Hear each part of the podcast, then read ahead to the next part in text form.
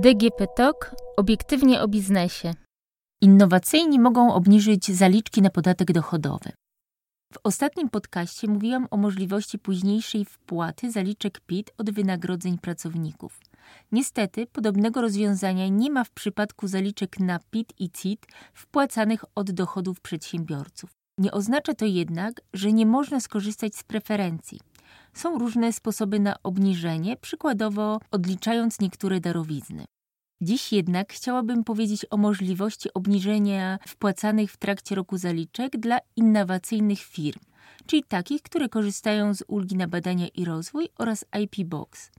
Przypomnę, że pierwsza z wymienionych preferencji pozwala ponownie odliczyć od dochodu tzw. Tak koszty kwalifikowane np. wynagrodzeń e, pracowników sprzętu, które zostały już uwzględnione w kosztach podatkowych.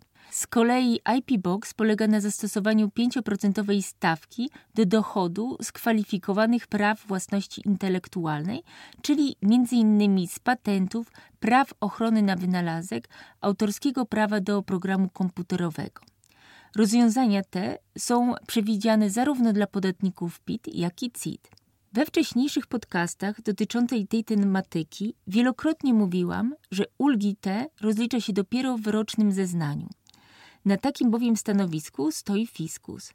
Spec ustawa wprowadziła jednak wyjątek od tej zasady.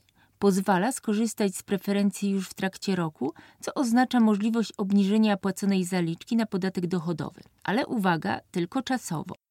Preferencyjne rozliczenie dotyczy bowiem tylko roku podatkowego, który rozpoczął się przed 1 stycznia 2020 roku, a zakończył po 31 grudnia 2019 roku, lub rozpoczął po 31 grudnia 2019 roku, a zakończył przed 1 stycznia 2021 roku. Czyli 2020 roku dla tych, których rok podatkowy pokrywa się z kalendarzowym. Aby skorzystać z preferencji, trzeba jednak spełnić warunek.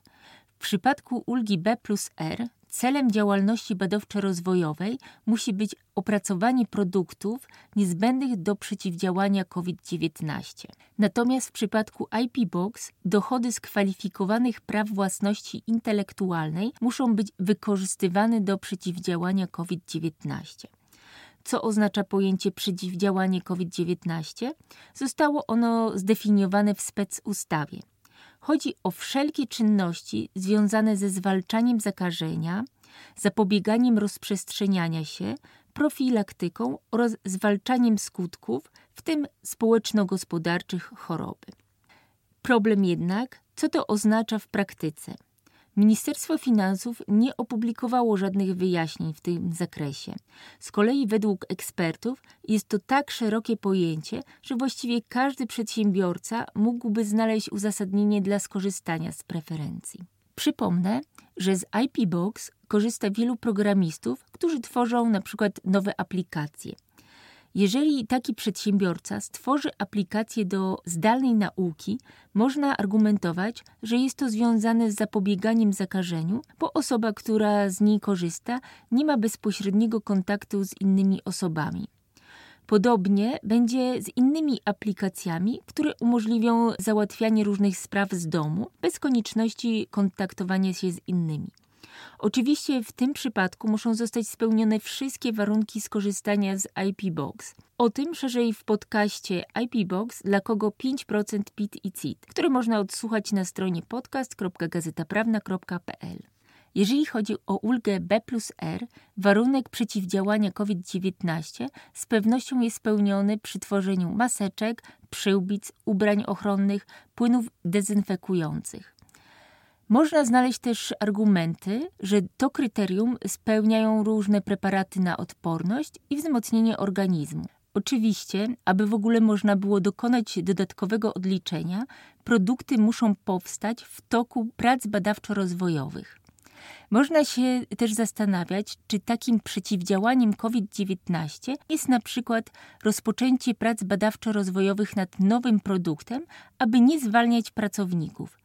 Niewątpliwie wzrost bezrobocia jest społeczno-gospodarczym skutkiem koronawirusa, a zachowanie pracowników jest zapobieganiem takiemu zjawisku. Nie wiadomo jednak, jak do tego zagadnienia podszedłby sam fiskus. Optymalnie byłoby uzyskać w tym zakresie korzystną interpretację podatkową. Problem jednak w tym, że standardowy termin na jej wydanie to trzy miesiące. Oczywiście w okresie pandemii dyrektor Krajowej Informacji Skarbowej ma na to aż 6 miesięcy, ale z uzyskanych informacji wynika, że w praktyce raczej trzyma się standardowego terminu. Na koniec przypomnę, że nie można do tych samych dochodów stosować obu rozwiązań łącznie w tym samym czasie. Chodzi o to, że ulga B plus R nie podlega uwzględnieniu w obliczeniu podstawy opodatkowania podlegającej 5% podatkowi z IP Box. Wynika tak z objaśnień podatkowych wydanych 15 lipca 2019 roku. Z preferencji można natomiast skorzystać w następujących po sobie latach podatkowych. Przedsiębiorca musi skalkulować, co mu się bardziej opłaca. Przykładowo, gdy ponosi wysokie koszty, być może w wyniku zastosowania ulgi przychód do opodatkowania w ogóle się nie pojawi. Można skorzystać w tym samym roku z obu preferencji, ale nie do tej samej działalności.